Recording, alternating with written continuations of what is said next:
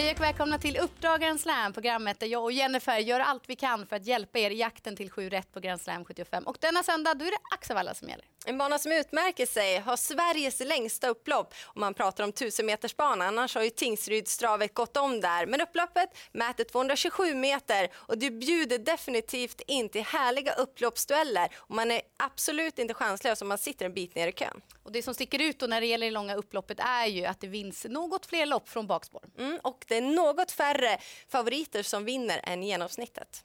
Då har ni koll på förutsättningarna och vi tar oss an veckans heta.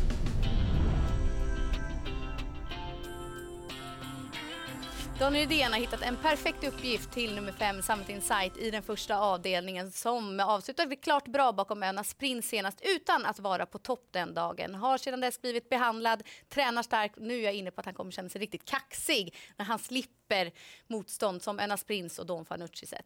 Och sen vill du prata om en ung och lovande kusk och det är såklart Gustav Johansson. Ja, som har haft ett väldigt fint år hittills. Han har vunnit 21 lopp och kört in över 2 miljoner kronor. Hans uppsittning i den tredje avdelningen är nummer 6 Blackfire som kommer från en snygg seger och han har verkligen toppform.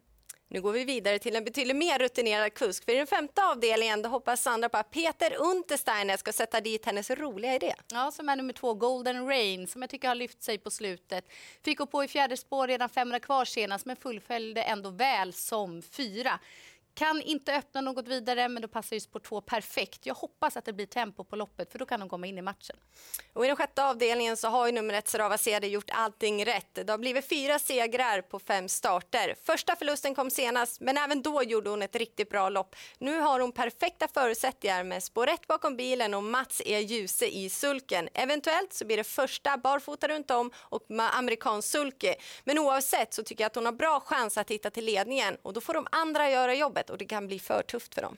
Det är ett spännande lopp och det är även ett spännande lopp som avslutar Grand Slam 75. Ett fint lopp, det är kronprinsessan Victorias lopp med 150 000 kronor till vinnaren. Och jag hoppas mycket på Elvala Sasikaya som har matchats tufft. Därför har också blivit, endast blivit en seger i år. Men senast, ja, då var hon inte helt på topp. Agerade lite trögt, därför växlar man upp eh, från stallet till den här starten. Man sätter på skygglappar och rycktussar och det kan ge riktigt bra effekt. Och kuskformen på Jessica Sidbeck som kör, ja, den är riktigt bra.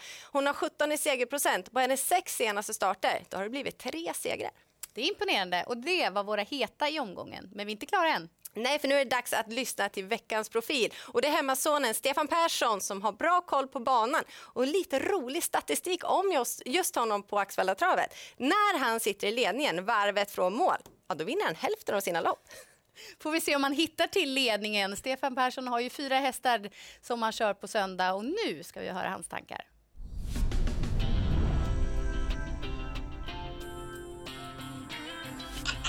Hej Stefan, välkommen till programmet. Hej, tack så du ha. Vad säger du, är du laddad för att köra på Axevalla till söndag? Jajamän, det är jag. Absolut. Det är en bana som du har full koll på. Tänker du något annorlunda när du kör på just Axevalla med tanke på deras långa upplopp? Nej, det kan jag väl inte påstå direkt att jag gör, men, men ja, jag har kört några varv där. Jag är därifrån, så att, eh, jag har kört några varv där. Eh, vi inleder ju Kuites Boko i den första avdelningen, nummer ett, en häst som vi känner väl till också, kvalar in till derbyt. Spår ett bakom bilen, vad tänker du om det? Ja, det är väl både bra och dåligt, att säga, för att han, eh, han håller ju ingen ledning. Han har faktiskt varit rätt sävlig ut de gångerna jag har kört han. Eh, nu såg jag visserligen att han ska gå barfota denna gången och det är väl en fördel, men något spetsbud är han inte. Men eh, formen då, är den på gång? Sitter den där? Ja, ja men det tycker jag. jag tycker han gick helt okej senast i Köpenhamn och uh, gången innan där gick han riktigt bra på, på, på, på var det Mantorp. Uh, ja, så formen precis. är nog på gång. Han sitter nog där rätt vad det är nu. Så det är vinstambitioner till den här starten? Ja, jag har nästan alltid vinstambitioner. Nej, men det är klart, det, det, är lite intressant att han blir av med skorna också. Uh, han har gjort flera starter med skor nu, så att det, det kan säkert ge en extra skjuts, det tror jag. Mm. Går vi till den andra avdelningen så kör du nio Garfield Gogo som har årsdebuten avklarad och var duktig som tvåa den gången. Ja, han gick, han gick bra. Hamnade lite, lite på mellis. Det var två hästar som drog ifrån det fram och sen fick han jaga i kapp och var ju väldigt nära att hinna ända fram men fick nöja sig med att vara tvåa då. Han eh, hade ju inte startat på länge och går, går säkert framåt ordentligt med det loppet. Nu är det bakspår på kort distans. Eh, tror du att han kan göra sig gällande ändå över det här långa upploppet? Det är väl inte optimala förutsättningar för det, är det inte. Men eh, han eh, gör säkert ett bra lopp och skulle det stämma på vägen så är han nog inte helt borta, det tror jag inte. Med tanke på att han har lopp i kroppen, skulle du kunna vara rätt så offensiv den här gången eller vill han ha en ryggresa? Jag ska vara ärlig och säga att jag tror eh, på 1600 att jag kommer att ha fullt upp och hänga med fram till upploppet så får jag nu försöka göra något där. Det. det är en bra taktik det också. Vad säger du om eh, Above Ground i den tredje avdelningen?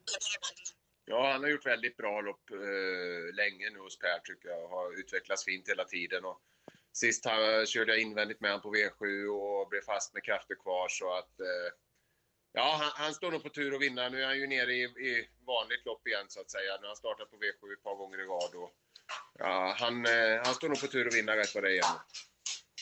På fem bakom bilen, vad tror du händer där? Eller vad behöver han ha för lopp för att eh, segerstrida? Jag tycker inte han är så jäkla beroende av lopp. Han är rätt så stark och rejäl och, och tål att göra lite jobb själv. Spåret är bra, jag tror han kommer öppna bra därifrån, men det var någon eller ett par som är ännu snabbare tror jag innanför, så någon ledning blir det kanske inte. Men eh, jag kommer nog vara lite offensiv med honom den här gången. Jag har kört snällt med honom någon gång, så att vi får nog vara lite mer aktiva den här gången tror jag. Vad säger du om 10 Vikens Ale i den femte avdelningen? Jag gjorde ett bra lopp i, i Örebro var det senast va? Uh, ja, och jag har kört henne två gånger och gången innan jag vann hon på Halmstad. Så. Det är en trevlig häst tycker jag som gjorde bra lopp senast. Om vi ska sammanfatta det hela då, vem tycker du har bäst vinstchans? Ja, jag tycker ingen av dem har någon riktig toppchans, men uh, Above Ground är väl den på förhand tycker jag som, som, det, som har bäst möjlighet att vinna. Tackar vi för det Stefan och lycka till! Tack för det, tack själva. Hej hej!